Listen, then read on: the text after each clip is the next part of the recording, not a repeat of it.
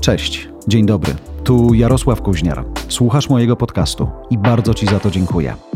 Czasy online, w których wszyscy musimy żyć głębiej niż chcemy, są nadzieją dla grup, które do tej pory były wykluczone.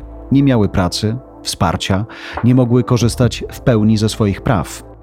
Majkę Lipiak z leżejpracuje.pl poznałem nagrywając wideokast dla Festiwalu Cyfryzacji. Cały czas możecie nas obejrzeć albo posłuchać na Voice House.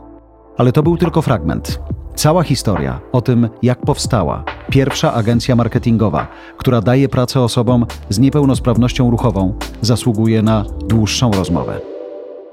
Kiedy zakładałaś e, Leżę i Pracuję, to praca zdalna wcale nie była taka oczywista, jak została dzisiaj, co? No, zdecydowanie. Kiedy to było? E, cztery lata temu e, poznaliśmy się z Arturem w trakcie remontu pokoju jego mamy. No i on był taką pierwszą osobą w moim życiu, która dosłownie 24 godziny na dobę e, leżała. Poznaliśmy się właśnie remontując ten pokój. E, I tak od słowa do słowa Artur zapytał się, czym się zajmuję. Ja powiedziałam, pracuję w agencji PR-owej, wrzucam posty na Facebooka. E, no i chcąc być miła, bo, mhm. bo tego gdzieś tam uczą nas normy przecież społeczne, zapytałam, a czym ty się zajmujesz? No i Artur powiedział, że nie ma pracy. A gdy zapytałam się dlaczego, E, tak jakby udając mm. trochę, że mhm. nie widzę, że oto człowiek tutaj leży przede mną w łóżku i raczej jego stan zdrowia nie pozwala na to, e, czy jest co najmniej jakąś przeszkodą, e, no to on właśnie wtedy odpowiedział, dlatego że nie ma dla mnie pracy. I kiedy. Nie ma dla mnie pracy, bo jej nie szukałem, nie ma dla mnie pracy, bo mm, wystraszam, czy nie ma dla mnie pracy, bo co? No, to, to wtedy nie było zdefiniowane. Padło po prostu nie ma dla mnie pracy. I ja trochę zareagowałam na ten komunikat jak taka jak on zareagował mm. na mnie jak taka płachta na byka, tak? To znaczy, jak to nie ma dla ciebie ja? Ci załatwię. Przecież, przecież żyjemy w XXI wieku, jest komputer, jest internet, ludzie pracują z Karaibów, e, tak? Dlaczego nie pracować z własnego łóżka? E, I myślę, że to był początek naszej historii, bo chociaż wtedy jeszcze formalnie nie padła nazwa Leżej pracuje, mm. nie padł pomysł na agencję, ale ja zasiałam wtedy taką, takie ziarnko e, nadziei w głowie Artura i on faktycznie uwierzył mi, że jestem tą osobą, która jest w stanie tą pracę mu dać. E, Ilekroć się spotykaliśmy, dlatego że naturalnie zakumplowaliśmy się przez naszą wspólną koleżankę Zuzię, no to Artur dopytywał, no co jak z tą pracą? Masz coś dla mnie? Robimy coś czy nie? I, I, wtedy właśnie zobaczyłam, że mimo, że Artur nie pracował przez 20 lat, właściwie odkąd miał wypadek w wieku 17 lat, taki klasyk, skok do wody, E, no to od tego czasu on po prostu nigdy nie pracował, tak? I kiedy się poznaliśmy, to byłam prawdopodobnie pierwszą osobą w jego życiu, która zakwestionowała jego przekonanie, przekonanie jego bliskich o tym, że osoba ze znacznym stopniem niepełnosprawności, która dosłownie leży, e, nie jest w stanie wykonywać e, pracy. Dlaczego? E, no dobre pytanie. Myślę, że to jest mieszanka, mieszanka wszystkiego. Trochę przekonań Artura, trochę przekonań jego środowiska. Też pamiętajmy o tym, że w latach 90. No tak. internet nie był tak hmm. rozwinięty jak dzisiaj, więc rzeczywiście tych stanowisk pracy zdalnej było dużo mniej, o ile jakieś były, tak? E, ja byłam wtedy dzieckiem, więc też nie mhm. śledziłam rynku pracy, e, ale na pewno dzisiaj żyjemy w zupełnie innej rzeczywistości i ta praca zdalna po prostu jest. I ta praca zdalna po prostu jest, powiedziałaś, tylko myślę, czy dzisiaj, kiedy jest jej więcej, rzeczywiście jest trochę łatwiej dostępna. Mało tego, wielu sprawnych pracuje zdalnie, co dla wielu było nie, nie do pomyślenia jakiś czas mhm. temu. Czy jest tak, że każda praca dzięki zdalności może być pracą dla osoby niepełnosprawnej? No, oczywiście, że nie. Tutaj byłabym bardzo naiwna, gdybym powiedziała, że, że każda osoba z niepełnosprawnością może wykonywać każdą pracę. Y, no jednak y, biały na przykład z naszego zespołu, który rusza tylko głową, e, no nie jest w stanie pewnych prac mhm. wykonywać, takich manualnych, tak? Trudno, żeby zrobił nam jakąś e, rzecz, do której wymagana jest pełna sprawność dłoni czy, czy nóg. Też musimy pamiętać o tym, że niepełnosprawność jest absolutnie szerokim spektrum, tak? W Polsce mamy między 3 a 7 miliona osób z niepełnosprawnościami, zależnie od danych, na mhm. które się powołujemy, z czego ponad 2 miliony to są osoby ze znacznym takim ograniczeniem mobilności.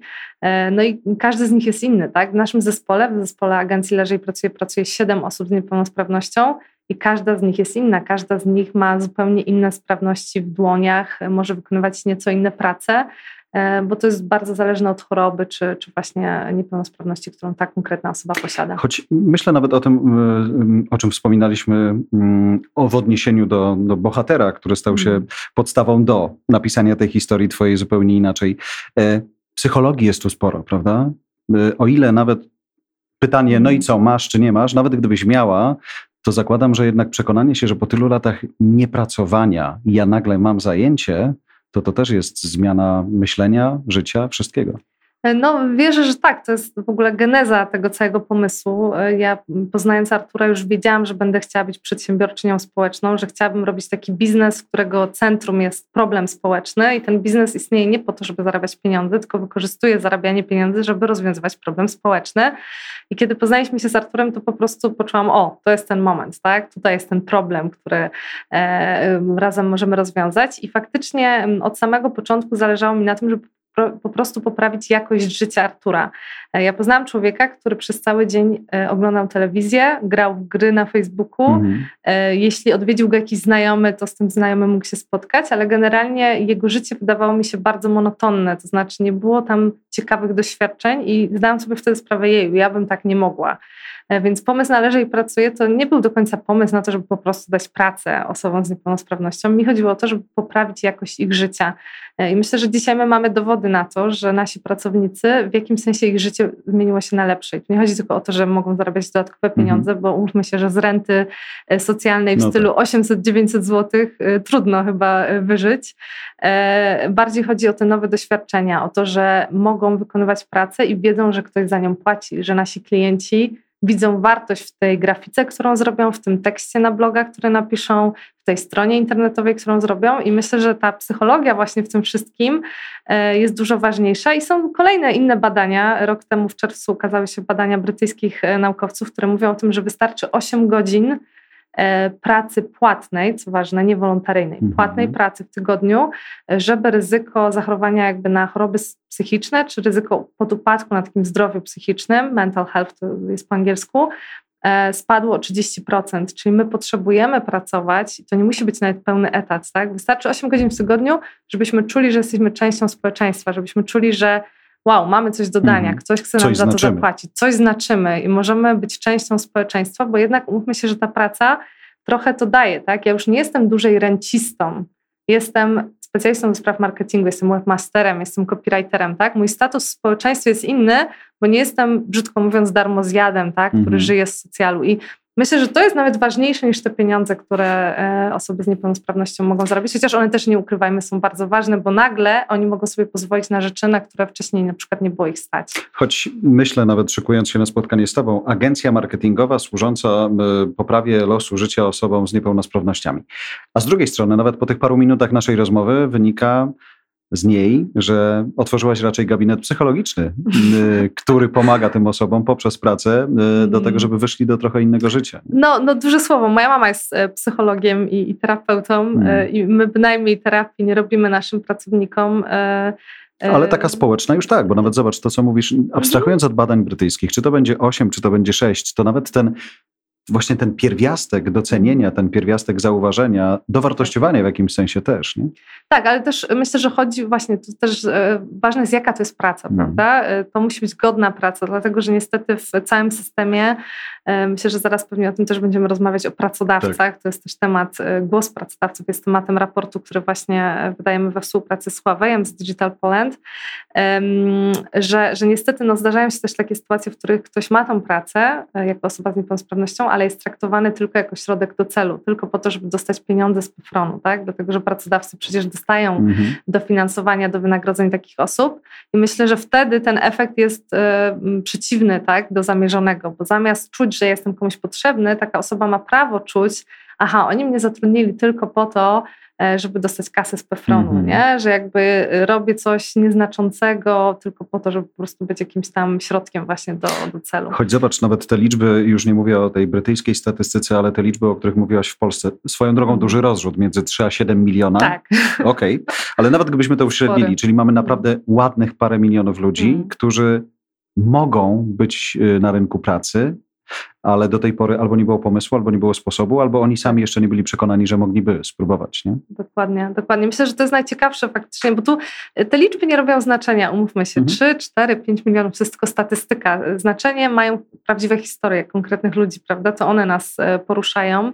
E, myślę, że, że szkoda, że po prostu taki duży potencjał się marnuje, tak? Że, że jest naprawdę masa ludzi, którzy siedzą w swoich domach, e, którzy chcieliby coś robić. Mamy dowody na to, że chcieliby coś robić, bo tydzień temu zakończyliśmy zaczęliśmy rekrutację na copywritera i dwa tygodnie mamy 50 ofert osób chętnych tak, mhm. do, do pracy, więc to nie jest tak, że, że im się nie chce pracować. To jest jeden z mitów w ogóle, myślę, o osobach z niepełnosprawnościami.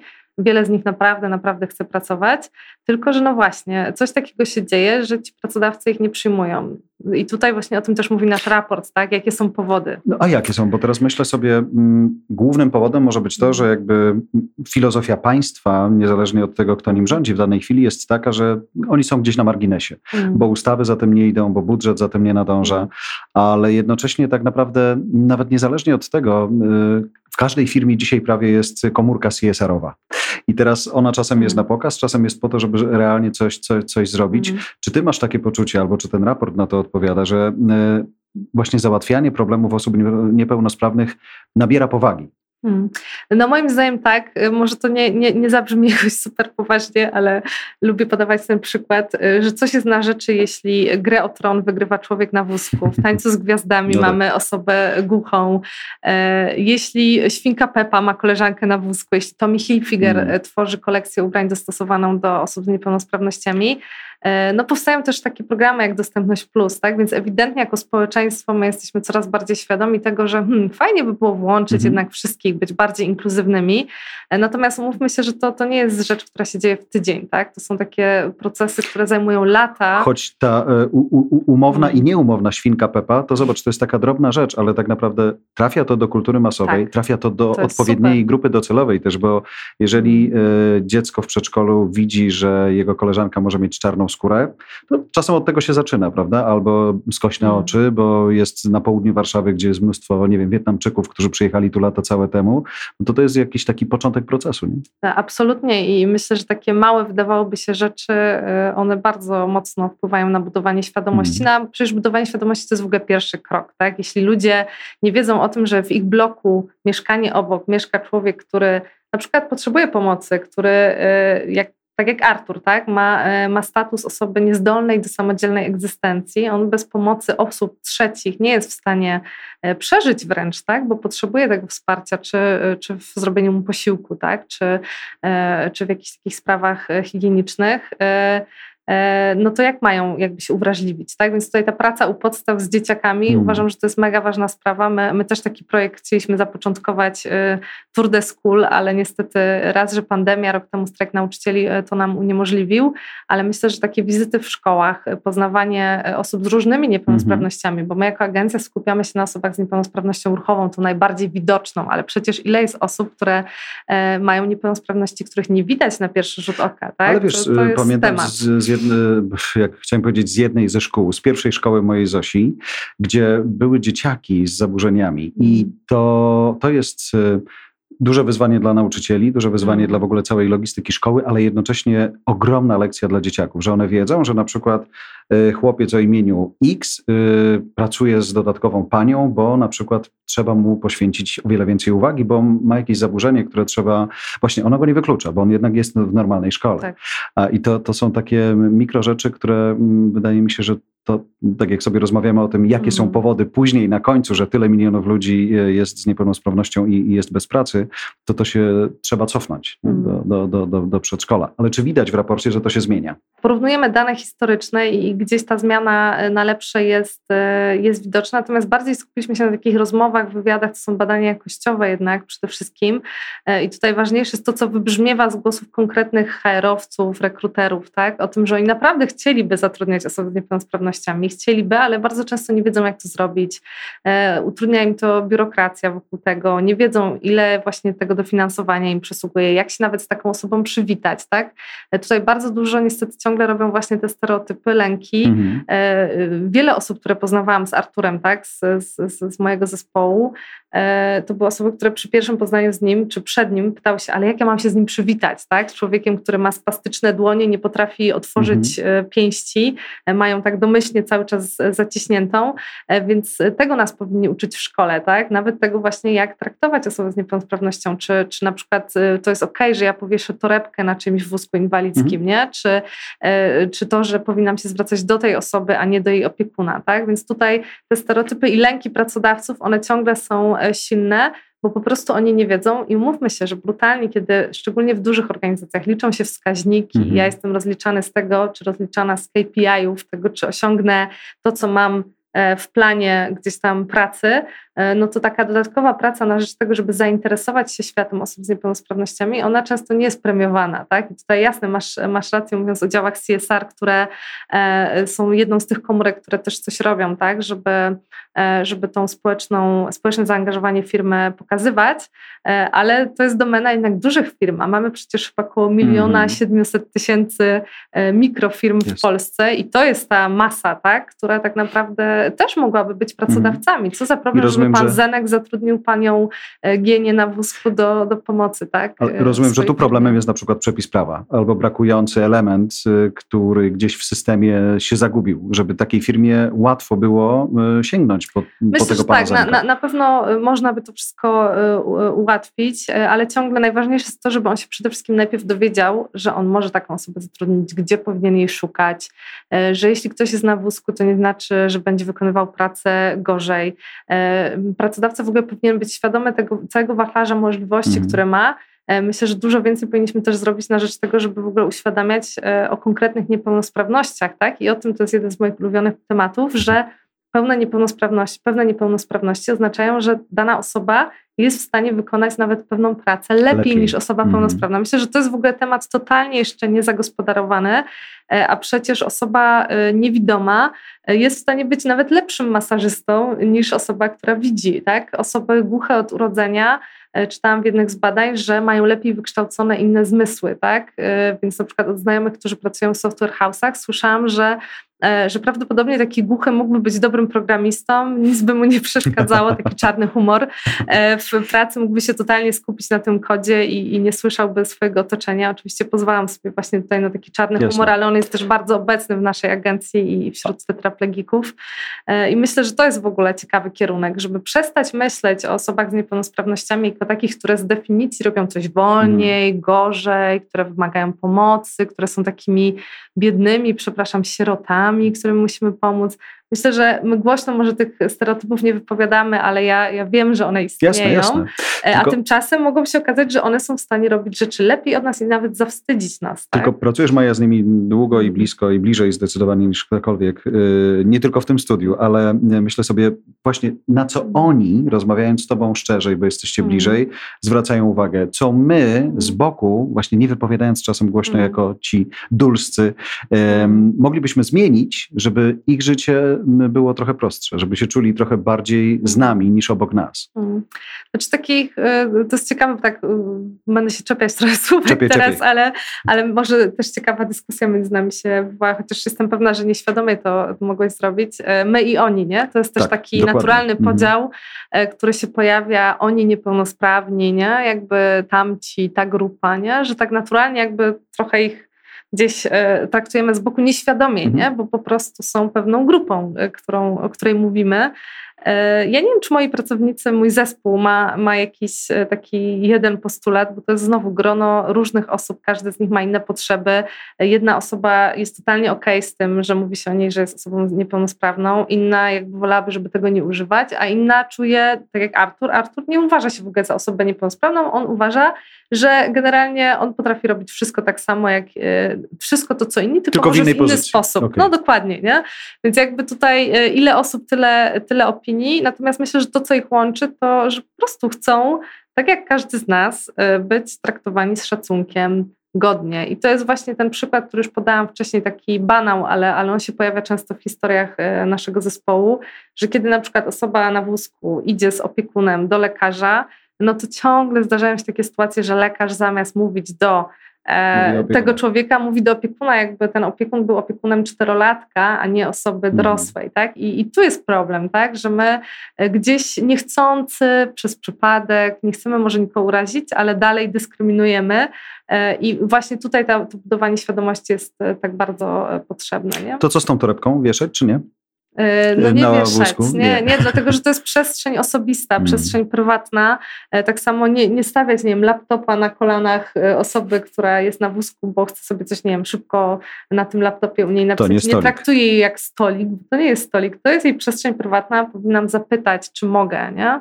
Ja w ogóle wychodzę z takiego założenia, że, że pytanie zwykle pomaga. Jeśli nie wiem, jak się przywitać, to mogę przecież zapytać, jak się z tobą przywitać, tak? Czy mam cię właśnie dać ci żółwika, mhm. złapać cię za przedramię, e, czy wolisz, nie wiem, buziaka w policzek, no może teraz w mhm. czasie pandemii nie jest to najlepszy sposób, ale, ale pytanie e, takie z szacunkiem do drugiej osoby, nie, nie oceniające, e, nieszkodliwe dla niej, myślę, że, że jest początkiem dobrej drogi do takiego poznania tego świata. Czego ty się nauczyłaś, pracując tyle lat z osobami e, nie zawsze w pełni sprawnymi? Zobacz, teraz będę się e, pilnował słów, więc tak. e, chciałem powiedzieć z nimi. Mhm. No, e, na pewno to, co mi pierwsze przychodzi do głowy teraz, to, e, że w ogóle ciągle się uczę. Sama się też uczę tego, tego szacunku, bo ja też się czasami zapominam. E, ale uczę się na przykład właśnie, że język ma znaczenie, nie? Że, że to też widać w naszym raporcie, że tytuł tego raportu brzmi Perspektywa pracodawców na zatrudnianie osób z niepełnosprawnościami, a nie osób niepełnosprawnych. E, mimo że dalej instytucje takie jak PEFRON, Państwowy Fundusz Rehabilitacji Osób Niepełnosprawnych, czy nawet stanowisko e, wspaniałego człowieka, pana Pawła Wdowika, który jest e, niewidomym pełnomocnikiem rządu do spraw osób niepełnosprawnych, one dalej zakładają ten stary trzon, tak? mówienia o osobach niepełnosprawnych. Dlaczego to, to może nie jest najlepsze rozwiązanie? No bo dajemy taką łatkę tym osobom. Tak? Często ten przymiotnik jest czymś, co najbardziej je określa. Nie widzimy Artura, Nicole, Krzyśka, Jarka mhm. z ich potencjałem, z ich talentem e, z ich charakterem, tak? E, tylko widzimy od razu, że ten człowiek jest niepełnosprawny. To jest bardzo często taka pierwsza rzecz, którą widzimy w tej osobie, którą mówimy o niej. I niebezpieczeństwo polega na tym, że to nam przysłania bardzo często to całe multum innych mega ciekawych rzeczy o tej osobie, prawda? Więc na przykład tego się nauczyłam, że język ma znaczenie, I tutaj nie jestem jakimś purystą i też czasami z pośpiechu mi się zdarza właśnie powiedzieć osoba niepełnosprawna, bo tak jest szybciej. Osoba z niepełnosprawnością jest jednak dłuższe, mhm. ale jednak to wyrażenie, wyrażenie pokazuje, że na pierwszym miejscu stawiamy osobę, niepełnosprawność jest jakimś dodatkiem, ale nie jest e, przymiotnikiem, który ją określa. Więc tego się na przykład y, nauczyłam. No, dużo się uczę w agencji. Agencja marketingowa uczy życia. Agencja marketingowa, która e, w połowie jeszcze składa się z osób, które dopiero uczą się mm. tego marketingu pod okiem mentora, bo to jest taki nasz, nasz system, y, no to jest w ogóle już. Y, niezłe pole. Czy to by się udało, gdyby Twoimi pracownikami czy współpracownikami mm. były osoby mm, w pełni sprawne? Czy co by się udało? Czy to by się udało? To, co robisz teraz, gdyby wykonywali tą robotę inni? Znaczy na poziomie świadczenia usług na pewno by się udało, bo, hmm. bo wręcz mielibyśmy wyższe kompetencje, gdybym po prostu do agencji przyjęła sobie specjalistów po studiach z grafiki i, i z tworzenia stron i, i, po licznych kursach. Natomiast na pewno nie miałoby to całej tej magii. Hmm. Myślę, że też nie, nie udawałoby nam się tak e, przykuwać jednak uwagi jakby mediów, co jest ciekawego w agencji marketingowej, która po prostu działa. Nie? To nie jest fajny temat. Tak? Tematem jest to, E, że nie jesteśmy zwykłą agencją, tylko agencją, która ma aspiracje do tego, żeby zmieniać rynek pracy dla osób z niepełnosprawnościami. E, I, I, właśnie już nie zatrzymujemy się na tym, żeby tylko być takim przykładem pokazywanym, o fajnie, że jest taka agencja, mhm. tak? Często to słyszymy, to bardzo cieszy, tak? Ja nie chciałabym e, gdzieś tam dewaluować e, takich komunikatów, e, ale mamy, mamy apetyt na więcej i chcemy dzisiaj być takim wsparciem dla pracodawców, e, inspirować ich też przez właśnie platformę Zdalniacy, którą tworzymy, E, dołączenia pracodawców z pracownikami z niepełnosprawnościami, e, bo wtedy zmienimy więcej po prostu, tak? Jeśli to będzie modne, żeby dawać mm. pracę osobom z niepełnosprawnościami, jeśli to będzie normalne wręcz, że, e, że w naszym zespole pracuje kolega, który jest głuchy albo osoba niewidoma i nikt nie robi z tego w ogóle jakiegoś wielkiego halo, to jest po prostu normalne. Skoro nie? możecie zatrudniać Hindusów albo, y, albo innych do tego, żeby robili jakieś rzeczy i mówicie wielo, wieloma językami w jednej hmm. firmie, to dlaczego właśnie w ten sposób tego nie, nie, nie połączyć? To w ogóle wszystko chyba bazuje na, tej, y, na tym słowie, które ma różną historię w Polsce, ale na, na słowie hmm. tolerancja, prawda? Bo to hmm. jest tolerancja do koloru skóry, do języka, do, do, do, do sposobu, w jakim kochamy i wyrażamy tą miłość i tak dalej, ale jednocześnie właśnie do tego, nie? czy ktoś y, jest w pełni, czy nie w pełni sprawny, powinien mieć te same prawa. Czy w raporcie widać, że jest tu jakieś drgnięcie, cokolwiek się zmienia, to otwartość jest poza hasłami, że firma chciałaby to zrealizować, że to jest realizowane. Tak, no, no mamy historię sukcesu też w raporcie. Tutaj świetnymi przykładami jest właśnie Huawei Poczta Polska. E, Poczta Polska w ogóle chce być liderem, mm. jeśli chodzi o, o zatrudnianie osób z niepełnosprawnościami. E, może większość z nas jakby nie kojarzy tej organizacji w taki sposób, a ona robi naprawdę w ogóle bardzo dużo roboty tutaj dobrej, e, jeśli o to chodzi i dopracowała wręcz do perfekcji taki cały system przeprowadzenia pracownika od tych pierwszych dni, e, po to, żeby on rzeczywiście po tych kilku miesiącach nie zrezygnował z pracy, ale żeby naprawdę chciał ją mhm. kontynuować i żeby został na dłużej. E, no i Huawei, który też dzięki współpracy z nami e, zatrudnił ostatnio Olka Wulknera do pracy zdalnej i Olek dzisiaj wspiera dział PR-u jako asystent i, i jakby no, z tego co wiem firma jest zadowolona z jego pracy i tutaj też wchodzą te nowe technologie, które właśnie tak. to wszystko umożliwiają. To prawda, choć rozmawiając właśnie z Ryszardem Hordyńskim z, z Huawei, on mówi, on jakoś tak inaczej widzi pewne rzeczy niż my, co też jest fajne, bo tak naprawdę tak. w momencie, w którym ktoś widzi coś inaczej niż ty, i dobrze to poprowadzisz, to jest początek fajnej przygody, zupełnie innej rozmowy nagle. Dokładnie. No, y, też y, o tym mówią liczne badania, że różnorodność, to co daje między innymi organizacjom, to wzrost innowacyjności. Tak? Jeśli tworzymy organizację, która jest homogeniczna, w której pracują tylko, nie wiem, mężczyźni między 30 a 40 Dokładnie. rokiem życia, y, heteroseksualni, tak? w ogóle bardzo podobni do siebie z tej samej klasy społecznej, no to szansa na to, że nasza organizacja będzie super innowacyjna jest niewielka, bo te tak. osoby zbyt podobne mają background, tak? Zbyt podobnie myślą. E, kiedy wprowadzamy właśnie ten inny świat, to jest, jesteśmy w stanie tworzyć lepsze rozwiązania e, i być bardziej dostępnymi organizacjami. BNP Paribas też e, jeden z, z partnerów tego raportu, firma, która wkracza na ścieżkę takiego już systemowego, poważnego zatrudniania osób z niepełnosprawnościami, aspiruje do tego, żeby też być bankiem, który dba o potrzeby klientów, o różnych właśnie o różnych mm -hmm. potrzebach. I myślę, że to jest taka dobra zmiana i to się ewidentnie dzieje, że że to nie jest tylko taki CSR w tym złym tego słowa znaczeniu, tak, tak który Mamy komórkę, niech będzie, ale niech broń Boże nic nie robi. Dokładnie, tylko że, że to pokazuje, że jednak są ludzie w każdej organizacji, którym zależy bardziej, którzy, y, którzy y, są wrażliwi i, i też jakby widzą potrzeby e, innych, tylko żeby je dostrzec, właśnie my musimy o tych tematach mówić, mhm. musi o nich być głośno, e, to musi być temat, tak? I, I w tym sensie uważam, że im więcej właśnie szumu się robi wokół takich tematów społecznych, e, tym lepiej, dlatego że, że wtedy właśnie nasze umysły są zajmowane czymś, co jest wartościowe, rozwiązywaniem realnych problemów, a nie marnowaniem mhm. czasu na tworzenie na przykład startupów i firm, które zamiast pomagać rozwiązywać problemy społeczne, wręcz tworzą, tworzą nowe. Nie? Choć zobacz, dzisiaj jak popatrzymy sobie na rynek tematów, które w mm. firmach gdzieś e, są, to tak, no, zmiana, zmiana, którą COVID przyspieszył, wymusił, tak. whatever, ale mm, kobiety i ich miejsce na rynku pracy, mm. a teraz y, niepełnosprawni i ich miejsce, czy osoby z niepełnosprawnością i ich miejsce na rynku pracy, czy w ogóle w organizacjach, ale jak ty popatrzysz na dwie płcie w tym świecie, do którego, do którego weszłaś i któremu po, pomagasz, kobiety łatwiej się przełamują, mężczyźni łatwiej się przełamują, czy tutaj płeć ma jakiekolwiek znaczenie? No, ciężko mi powiedzieć, bo na moim zespole nie mamy takiej dużej próby. Mm. w naszym zespole pracuje więcej, więcej mężczyzn e, e, z niepełnosprawnością. Ja mam taką swoją osobistą teorię, że no częściowo może wynikać to z tego, że, że właśnie skoki do wody w wieku 17 lat, wypadki jakieś samochodowe, no coś takiego może to jest stereotypowe teraz to powiem, ale jednak mężczyźni częściej chyba w tych sportach mm -hmm. takich ekstremalnych E, czy takich niebezpiecznych e, biorą udział, no ale jednak gro tych osób e, przecież z rdzeniowym zanikiem mięśni, tak, z mózgowym porażeniem dziecięcym, to są choroby takie genetyczne, choroby, które ujawniają się w wieku dziecięcym, no i tam jakby natura nie wybiera, tak, czy, czy to SMA będzie miał chłopak, czy dziewczyna i tutaj jakby nie, nie znam dokładnych takich mhm. statystyk, mhm. nie wiem, czy takie istnieją, czy więcej jest kobiet, czy mężczyzn z niepełnosprawnością, Myślę, że, że no naj, najważniejsza jest ta ich osobista taka motywacja i tutaj nie odkryję Ameryki, jeśli powiem, że, że po prostu ktoś musi naprawdę chcieć zawalczyć o swoje życie. Jeśli ma ten taki tą iskrę takiej nadziei mhm. w sobie i tą chęć, żeby przeżyć to życie mimo niepełnosprawności w szczęśliwy sposób, bo, bo też nie ukrywajmy, że wiele z tych osób przecież boryka się z depresją czy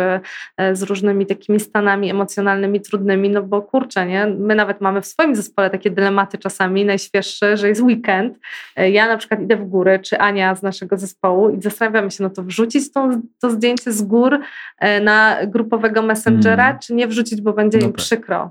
Pytałyśmy o to. Mhm. Tak, tak rozwiązujemy ten problem. No oczywiście dla części osób to jest w ogóle, no przestańcie, myślcie, że mnie to jeszcze obchodzi. Po tylu latach na wózku to w ogóle mnie to tam nie smuci. No ale z drugiej strony mam jednak poczucie, że w niektórych osobach no tak. to może budzić mhm. takie coś, kurcze, nie? Dobra, oni znowu cykają zdjęcia, w których pokazują, że chodzą po górach, a ja tutaj siedzę zamknięty czy zamknięta w, w mieszkaniu. Choć wiesz co, Maju, powiedziałaś o tym, że w nich samych mhm. musi być ten pierwiastek, żeby im się chciało, żeby tak. spróbowali, mieli odwagę, ale... Nie, nie, nie, da się tego wywołać zewnętrznie. Nie? Jasne, choć a propos zewnętrza, to jednak jest mhm. tak, że jeśli do tej niepełnosprawności, do, tego, do tej sytuacji, która zmusiła, wymusiła mhm. z różnych powodów, to, że oni są w pozycji leżącej lub siedzącej na wózku, od razu pojawiają się najbliżsi, którzy im pomagają, mm. więc przez lata tak naprawdę oni też w jakimś sensie zależą od nich. I tak. myślę, że nawet tam tamta świadomość tamtych ludzi i dodawanie odwagi mm. osobom z niepełnosprawnością to też jest ważne, tak. żeby to one pchały ich do tego, żeby im się chciało. No, najważniejsze jest to pokazanie możliwości, nie? że masz wybór, nie? że dzisiaj są te okulary za śmieszne 500 dolarów sprowadzone z Chin. Mówię śmieszne 500, mm. nie, nie dlatego, jasne, że jasne. nie mam szacunku do pieniędzy, tak. ale czymże jest 2000 zł w porównaniu z tym, że, że biały z naszego zespołu może wygryzać dzięki tym okularom i swoim zębom te litery on ma taki gryzak mhm. specjalny w ustach, okulary ma na oczach i sobie wybiera te literki na klawiaturze, na, na ekranie i, i gryzie po prostu tak jak my przyciskiem myszki na, naciskamy. E, no, no czymże jest te 2000 zł w porównaniu z tą szansą, którą on dostaje, tak? Jakby na to, że może pracować mhm. i, i jest w stanie obsługiwać komputer, tak? Więc myślę, że pokazanie tych możliwości, pokazywanie, że są takie narzędzia też pracodawcom, tak? Że, że hej, nie, możesz zatrudnić człowieka, który jest niezdolny do pracy. To jest inny mój ulubiony temat, Myślę, że, że ten termin bardzo dużo szkody robi, dlatego że większość osób z mojej wiedzy tak wynika z orzeczeniem o znacznym stopniu niepełnosprawności e, ma w papierach e, napisane, że są niezdolne do pracy.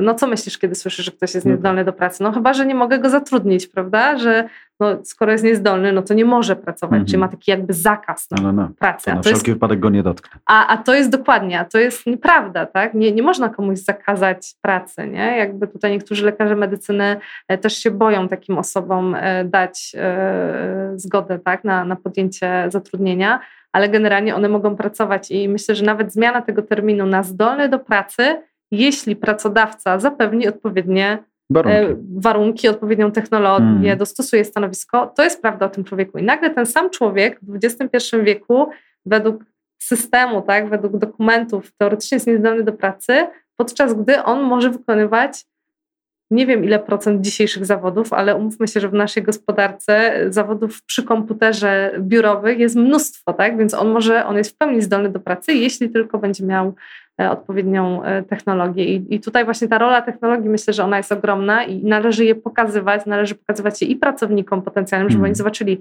wow, gdybym miał takie e, okulary, to może mógłbym komunikować się lepiej ze światem, nie? I pracodawcy, że hej, możesz mieć fajnego pracownika, jeśli E, zdobędziesz dofinansowanie, bo przecież na te wszystkie rzeczy też są dofinansowania no tak. na, na, na utworzenie stanowisk pracy dla, dla tych osób.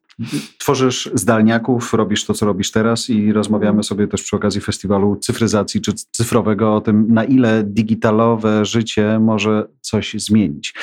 Teraz mówimy o tym, że można dać sprzęt, można dać okulary, gryzak i to, to, to może być coś, co rzeczywiście zmieni życie. A w przyszłości? Co takiego może się zadziać? Albo y, gdzie byś potrzebowała technologii, widząc mm. już z kim pracujesz, mm. bo wiesz, że to by cokolwiek zmieniło, ułatwiło. Mm. Znaczy, no, te technologie, y, one są prawie już wszędzie, mam mm. wrażenie. Y, wiem, że, że część mojego zespołu marzy o tym, że kiedyś medycyna i technologia pójdą tak daleko, że może będą mogły chodzić. Już dzisiaj trochę się to dzieje w przypadku osób z zanikiem mięśni. Y, nie wiem, czy wiesz, ale w tamtym roku polski rząd zdecydował się, żeby sfinansować Spinrazę, czyli lek, e, który wręcz cofa częściowo e, postęp choroby, bo to jest choroba progresywna, która sprawia, że młodzi ludzie czasami w wieku 30-40 lat mhm. umierają, bo po prostu właśnie już, już ta choroba odbiera im to życie. E, no i nagle się okazuje, że być może niektóre dzieciaki z SMA nie będą musiały nigdy usiąść na wózku, bo jeśli będą odpowiednio wcześnie dostawać ten lek, to on zatrzyma progres tej choroby. I to jest cudowna rzecz, mhm. tak? że nagle e, przeżywalność e, tej społeczności będzie większa. Ostatnio rozmawiałam z Angeliką, nie pamiętam teraz nazwiska, ale właśnie kierującą na SMA y, i ona też ma taki czarny humor i się śmiała, no teraz nas jest tysiąc, bo jeszcze niedawno nas było 700 tej, tej, tych osób z SMA w Polsce. No i właśnie śmiała się, że to, to jest efekt spin razy, tak? że jakby więcej z nich przeżywa mhm. E, dzięki lekowi. Więc ja myślę, że wszelkie takie e, technologie i, i medycyna, które sprawiają, że przede wszystkim ludzie, którzy właśnie przez choroby progresywne byliby skazani na wczesną śmierć, mogą przeżyć. Wszelkie technologie, które umożliwiają pracę e, osobom z niepełnosprawnością ruchową, ale też osoby niewidome, osoby głuche czy osoby z niepełnosprawnością intelektualną. Tutaj pole do innowacji uważam, że jest nieskończone. Moja znajoma E, wymyśliła swego czasu w jednym z inkubatorów e, innowacji społecznych e, takie narzędzie bardzo proste, taką teczkę, nie wiem czy to dobrze teraz opiszę, ale taką, taką teczkę to wygląda jak taki zestaw Majsterkowicza i tam jest kilka takich prostych przedmiotów, które pozwalają zdiagnozować kompetencje osoby z głęboką niepełnosprawnością intelektualną, które nigdy, nigdy nikim nie dawał szansy na to, że one mogą zawodowo pracować, tak? No bo jeśli ktoś ma głęboką niepełnosprawność intelektualną, to raczej skazuje się go na jakiś warsztat terapii zajęciowej, czy, czy po prostu no, na to, że on nigdy nie będzie pracował, a tymczasem okazuje się, że na przykład taka osoba świetnie potrafi, nie wiem, klamerki przypinać, tak? Albo na przykład na, na, nabijać jakiś element na drugi, tak? Wykonywać jakąś prostą, mhm. manualną czynność, która na przykład może się przydać, jeśli jest się, nie wiem, asystentem krawca, dajmy na to, nie? E, I nagle to narzędzie proste pozwala dać nadzieję matce czy ojcu takiego dziecka i pokazać mu, hej, twoje dziecko e, dorosłe, tak, Będzie miało jest zawód. w stanie jest w stanie robić bardzo prostą pracę. Nie? I do czego zmierzam? Do tego, że brakuje nam ciągle takiego na szeroką skalę e, wręcz systemowego diagnozowania potencjału, pokazywania, co osoby z niepełnosprawnościami potrafią robić. My przypinamy im tą łatkę, niezdolny do pracy, niepełnosprawny intelektualnie. To wszystko jest takie negatywne, tak? Przez nie hmm. e, nazywane. Trochę a tak jakby był sam sobie winny też. Nie? Tak, nie? A tymczasem to jest tylko kwestia sprytnych e, innowacji, takich innowacji właśnie, które sprawiają, że nagle dostrzeżemy to, czego wcześniej nie widzieliśmy. To jest nasz problem. W ogóle zobacz, jak to inaczej brzmi, nie? To nie jest ich problem. To my, jako tak. społeczeństwo, nie widzimy tego całego potencjału przez te stereotypy, nie? Przez to, że nie chcemy bardziej poznać, przez to, że nie mamy często też narzędzi, ale to nie jest e, rocket science, tak, fizyka kwantowa, żeby wymyślić proste narzędzie do diagnozowania kompetencji manualnych osób z niepełnosprawnością e, intelektualną. To wymaga pewnej wrażliwości, chęci rozwiązania problemu społecznego. I to są moim zdaniem dwie najważniejsze mhm. cechy, których potrzebujemy, e, żeby coś się zmieniało. Wrażliwość, empatia i, chęć rozwiązywania tych problemów. Bo jeśli zgadzamy się na status quo, to nic się nie zmieni. Gdybym ja cztery lata temu poznała Artura I, I gdyby on mi powiedział, tak jak powiedział, tak, że nie ma dla mnie pracy, ja bym powiedziała, okej, okay, rozumiem. Nic by się nie zobaczenia. wydarzyło. Nic by się nie hmm. wydarzyło, nie? Nie byłoby tej agencji, dlatego że przyjęłabym jako to, że to jest okej. Okay. No, no w sumie rozumiem, no przykro mi, ale no życie, taki jest świat. Nie, świat taki nie jest. Świat jest właśnie taki, że on może pracować, tylko to wymaga E, chęci e, jego otoczenia, jego samego, żeby coś zmienić. I teraz zdalniacy, jak rozumiem, mają być tym miejscem w sieci, które połączy tych, którzy szukają Dokładnie. i tych szukają w sensie pracy, pracy. i tych, którzy szukają, szukają ludzi, którzy szukają pracy. Dokładnie. Ale czego jeszcze nie ma, e, jeśli chodzi o wiedzę u pracodawców na przykład, albo u osób z niepełnosprawnością, żeby oni mieli szybciej hmm. do poznania się?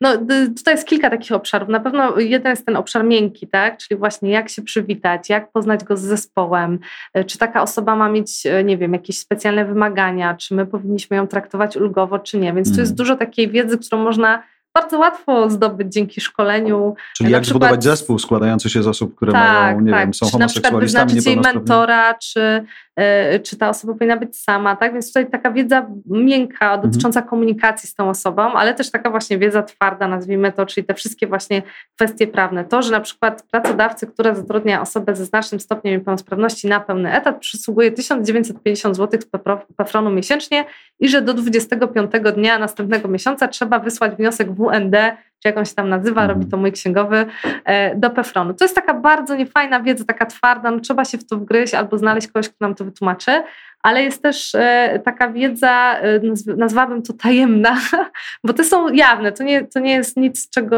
nie, nie, łatwo nie dostaniemy, ale też wiedza o tym, dobra, to na jakie stanowisko ten człowiek by pasował, czy on będzie pasował do naszej organizacji, czy on będzie pasował do naszej kultury organizacyjnej. I tutaj właśnie wkraczają zdalniacy, których geneza jest taka, że my po prostu zdaliśmy sobie sprawę, że no nie zbawimy całego świata, nie zmienimy całego rynku pracy dla osób z niepełnosprawnościami w Polsce, jeśli będziemy agencją marketingową, dlatego że po pierwsze nie stworzymy agencji, która zatrudni 2 miliony ludzi, mm. po drugie e, nie każdy nadaje się do pracy w marketingu, to jest bardzo trudna praca, praca na deadline'ach, na oczekiwaniach klientów, dużo stresu, ciężka branża, E, no i pomyślałam sobie, kiedy wpadłam na ten pomysł, że dobra, to zróbmy taki portal randkowy w cudzysłowie, który będzie łączył pracodawców na podstawie algorytmu z pracownikami. Nie będziemy patrzeć na CV, bo przecież ludzie, no tak. którzy zgłaszają się do nas do pracy, nie mają co napisać w CV, ale będziemy patrzeć szerzej, tak, na ich potencjał, na pewne oczekiwania względem pracy, czy oni mogą pracować 3 godziny, czy 7, czego oczekuje pracodawca, czy oczekuje kogoś bardzo skrupulatnego, czy kogoś kreatywnego, tak? Taki, e, taki test, który ma, ma połączyć jednych z drugimi po to, żeby dać im szansę na takie fajne randkowanie, tak? żeby oni zobaczyli, czy będzie im razem dobrze. Natomiast też wiemy, i to potwierdza raport, że pracodawcy potrzebują kompleksowego wsparcia. Nie wystarczy ich po prostu połączyć. Mhm. Macie tutaj takiego Zenka, czy Wieśka, czy Tomka, e, czy Anię, e, i po prostu pracujcie sobie teraz razem. No nie, to się może skończyć z tym i najprawdopodobniej tak się skończy, że po miesiącu się okaże, że są jakieś niedomówienia, że są jakieś problemy w komunikacji, że ta osoba, która nigdy wcześniej nie pracowała, ma pewne na przykład braki takie e, w zakresie podstawowej wiedzy o pracy biurowej czy komunikacji z pracodawcą e, i tutaj pracodawca potrzebuje, żeby go prowadzić za rękę i tak samo ten pracownik, tak? Więc zdalniacy są po to, żeby przeprowadzić przez cały ten proces, żeby też poprawić kompetencje osób z niepełnosprawnościami, bo one są często problemem. O tym o tym też mówił w naszym panelu e, właśnie pełnomocnik rządu do spraw osób niepełnosprawnych, że no jasne, wskaźnik zatrudnienia tych osób jest trzy razy niższy niż osób pełnosprawnych w Polsce, ale też osób z wyższym wykształceniem wśród osób niepełnosprawnych, osób z niepełnosprawnościami jest trzy razy mniej jasne. niż wśród osób pełnosprawnych, więc ewidentnie jest korelacja mhm. między wykształceniem e, a zatrudnieniem, więc my jako zdalniacy musimy jakby e, nauczyć pracy osób z niepełnosprawnościami musimy nauczyć pracodawców, jak dawać tą pracę tym osobom. Nie możemy ich po prostu połączyć i, i zostawić na pastwę no tak. po prostu losu, bo to się nie uda, tak? Po tej randce oni raczej nie będą chcieli iść na drugą randkę, nie? Lubię tą metaforę, bo ona jest taka e, prosta, myślę, też fajna do zrozumienia. A czy ty byś poszła drugi raz na randkę z tym, co zaczęłaś robić na pierwszej? dobre, dobre pytanie. Czasami się zastanawiam, są takie dni, nie ukrywam, kiedy myślę, co ja najlepszego zrobiłam, po co mi to wszystko? Nie no, trochę Trzeba dobrych rzeczy było... wyszło, no Maja. Nie, no dlatego mówię, że są takie dni, no to nie jest moja codzienność. Ja mam y, generalnie tak całościowo mam satysfakcję z tego, co mhm. robię i wiem, że gdybym miała po prostu pracować w agencji marketingowej, to nie miałabym tego poczucia sensu. Po prostu jestem taką osobą, która tego sensu w pracy potrzebuje. Ja potrzebuję widzieć, że, że efektem tego, co robię przez co najmniej 8 godzin dziennie, właśnie nie jest tylko kasa nie? dla mnie, tylko że coś zmieniam na lepsze i ta praca mi to daje. A to, że są trudne dni, kiedy faktycznie tego stresu, na przykład o to właśnie, czy będą te pieniądze na wynagrodzenia, czy nie, czy e, dowieziemy to zlecenie dla klienta, czy nie dowieziemy, co zrobić, kiedy nagle pracownik ląduje na L4, bo przecież to hmm. też tak, częściej właśnie, się tutaj, zdarza. No właśnie, nie? to ryzyko, że nagle nie może, no, a ty tak, musisz wybaczyć tak, i musisz zrozumieć, ale też tak. myślę sobie o tej sytuacji, o której mówiłaś.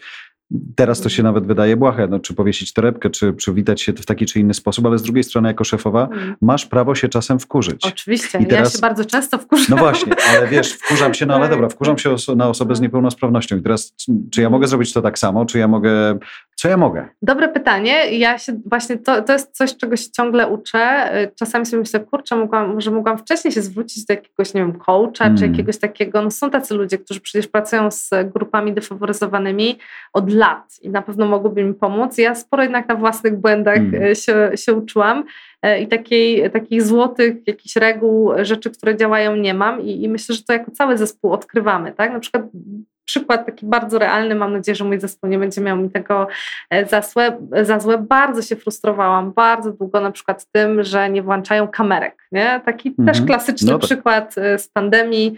E, jednak są badania, które mówią o tym, że ten kontakt, skupienie w trakcie kola jest lepszy, kiedy mamy włączoną kamerkę, kiedy mamy kontakt wzrokowy z drugą osobą.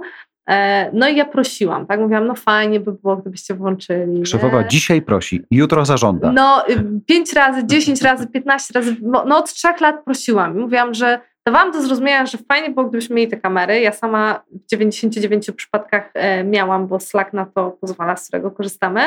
I w końcu stwierdziłam dość.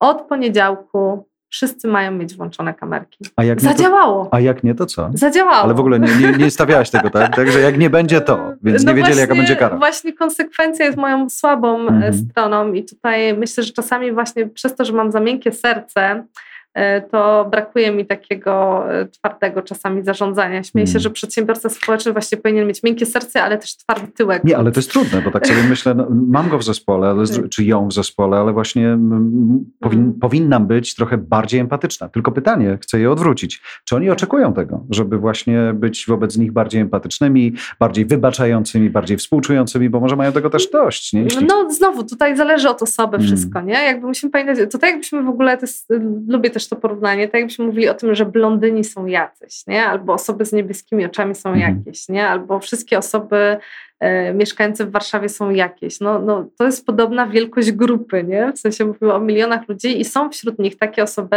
które za punkt honoru stawiają sobie to, też w naszym zespole, że hej, ja nie chcę mieć taryfy ulgowej. I to też nasze badania e, pokazują i też to jest perspektywa pracodawców, że generalnie pracodawcy nie chcą jakichś super specjalnych taryf ulgowych tak, dla, dla tych osób, ale z drugiej strony gdzieś intuicja czy no sumienie no tak. podpowiada nam, no dobra, no ale ten człowiek jednak, no jak mogę od niego oczekiwać produktywności takiej samej jak osoba pełnosprawna, która ma w pełni sprawne dłonie i może przecież na tej klawiaturze pisać kilka razy szybciej, hmm. nie?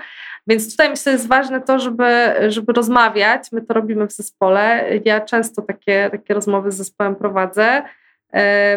No i jakby po prostu szukać razem tych rozwiązań, bo są takie rzeczy, na które ja się mogę zgodzić, ale są takie, na które się nigdy nie będę zgadzać i niepełnosprawność nie powinna być e, usprawiedliwieniem. Nie? Na przykład to, czy pracownik, e, nie wiem, stawia się punktualnie do pracy, albo czy informuje z wyprzedzeniem o tym, że go nie będzie, E, albo to, czy na przykład odpowiada na zadania na Basecampie, e, to, to jest niezależne od niepełnosprawności. To jest pewna postawa jego jako człowieka w pracy. Czy ja traktuję poważnie swoje zadania, nie? I tutaj jakby ja mam prawo wymagać, nie? Ja nie mogę wymagać czegoś, co jest nie, nie do wykonania dla tej osoby, czegoś, co jest powyżej jej kompetencji mhm. albo powyżej jej możliwości z uwagi na sprawność, tak?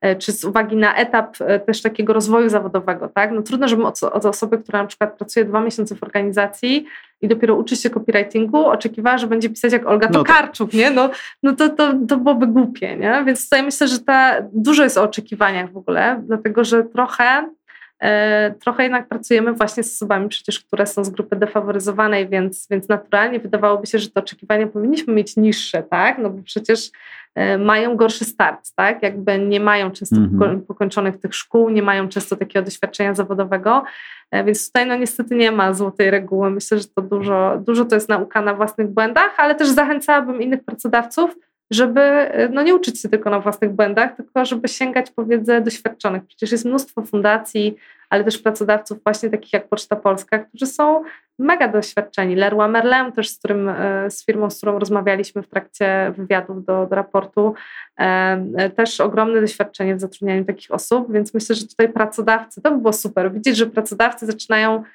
łączyć się ze sobą, mm. taki networking robić w obszarze tego, hej, a jak wy to zrobiliście, mm. nie? Jakby, jak rozwiązaliście ten problem, jak radzicie sobie z L4, jak radzicie sobie e, z dyscypliną, nie? Jakby tutaj e, myślę, Szczególnie, że, że nawet jak mówisz o branży bankowej, mówisz o branży sprzedawania materiałów budowlanych, mówisz o, o branży poczty i tak naprawdę okazuje się, że to są zupełnie różne światy, gdzie być może jak coś na poczcie spokojnie może zadziałać w banku, Absolutnie, coś w banku może tak. zadziałać na hali, gdzie ktoś w mniej sprawny tak, rozkłada produkty. na naj najlepsze pomysły przecież, nie szukając ich w, obszarze naszej branży, e, tylko właśnie patrząc, dobra, no to jak, e, co, czego mogę się nauczyć od Ubera, albo czego mogę się nauczyć właśnie od Poczty Polskiej, będąc agencją marketingową, tak? Jakby e, tych inspiracji do, do działań możemy szukać wszędzie. Ja często szkoląc z marketingu podaję przykład na przykład real-time marketingu, czyli tego marketingu w czasie rzeczywistym. Świetny case IKEA, która też brała udział w naszych badaniach, IKEA właściwie, nie IKEA, z właśnie kiedy Olga Tokarczuk okazało się, że, że jest noblistką, wrzucili zdjęcie fotela, e, takie klasyczne mhm. reklama na Facebooku e, i mogła być, być tam po prostu cena sama, tak, nie wiem, 899 zł nazwa fotela, a oni zrobili tak, że dokleili po prostu, ich grafik dokleił książkę, która spada z tego fotela, a na dole był napis dla tych, którzy mają coś do nadrobienia. Nie? Świetny przykład właśnie takiego marketingu w czasie rzeczywistym reagowania na, na newsy. E, dlaczego o tym mówię? Bo na przykład pokazuję często ten przykład na szkoleniach i mówię, ok, możecie mówić, że o, bo my nie mamy jako biedna organizacja tak, pozarządowa takiego grafika. budżetu jak mhm. IKEA, nie mamy budżetu Coca-Coli. Tu się liczy pomysł. Nieprawda, liczy się pomysł, dlatego że zrobienie tej grafiki kosztowało tyle samo, y, co zrobienie grafiki zwykłej, standardowej, mm. reklamowej z tym samym fotelem. A liczba zasięgu, no tak, tak, jakby szerów tego posta była dużo większa, więc y, możemy się uczyć od pracodawców, przedsiębiorców, od marek z innych branż i po prostu zastanawiać się, dobra, to jak możemy zaadoptować to mhm. do naszej sytuacji. Tak sobie pomyślałem teraz, nie wiem, czy to jest dobra puenta, ale e, w czasie wizyty w, w Somalii poznałem chłopaka, który wrócił do Somalii, do Mogadiszu z Amsterdamu. Wychowany, wykształcony w Amsterdamie, prowadził e, działania marketingowe, agencję reklamową. Wrócił do, wrócił do Mogadiszu, bo poczuł, że to jest dobry moment i e, jak wszedłem do jego pokoju, gdzie pracowali jego ludzie, to to się niczym nie różniło od pokoju, w którym pracują ludzie w agencji jak w Warszawie. Mhm. Grafiki, które przygotowywali dla lokalnych banków w Somalii, które się kojarzy tylko z terrorystami, wyglądały tak jak reklamy e, banków w Polsce. I on mówi, e, my, nasi klienci są w Stanach Zjednoczonych, nasi klienci mhm. są w mhm. Amsterdamie, co naturalne. Mamy klientów w Kenii, mamy klientów e, gdzieś na północy Afryki i mhm. nagle ja sam siebie właśnie też łapałem na tym, żeby nie myśleć o tym, że to, to się nie nada. Albo dziewczyna Somalika, która wróciła z Kanady i założyła kawiarnię, jak patrzę na jej Instagram, to to jest Instagram kawiarni z Placu Zbawiciela Zbawiciela w Warszawie, mm. nie przyrównując ani jednych, ani drugich, nie obrażając. Więc tak naprawdę to też myślę w nas, w pełni sprawnych jest spory pro, spora, spora robota do wykonania, żeby zmienić myślenie.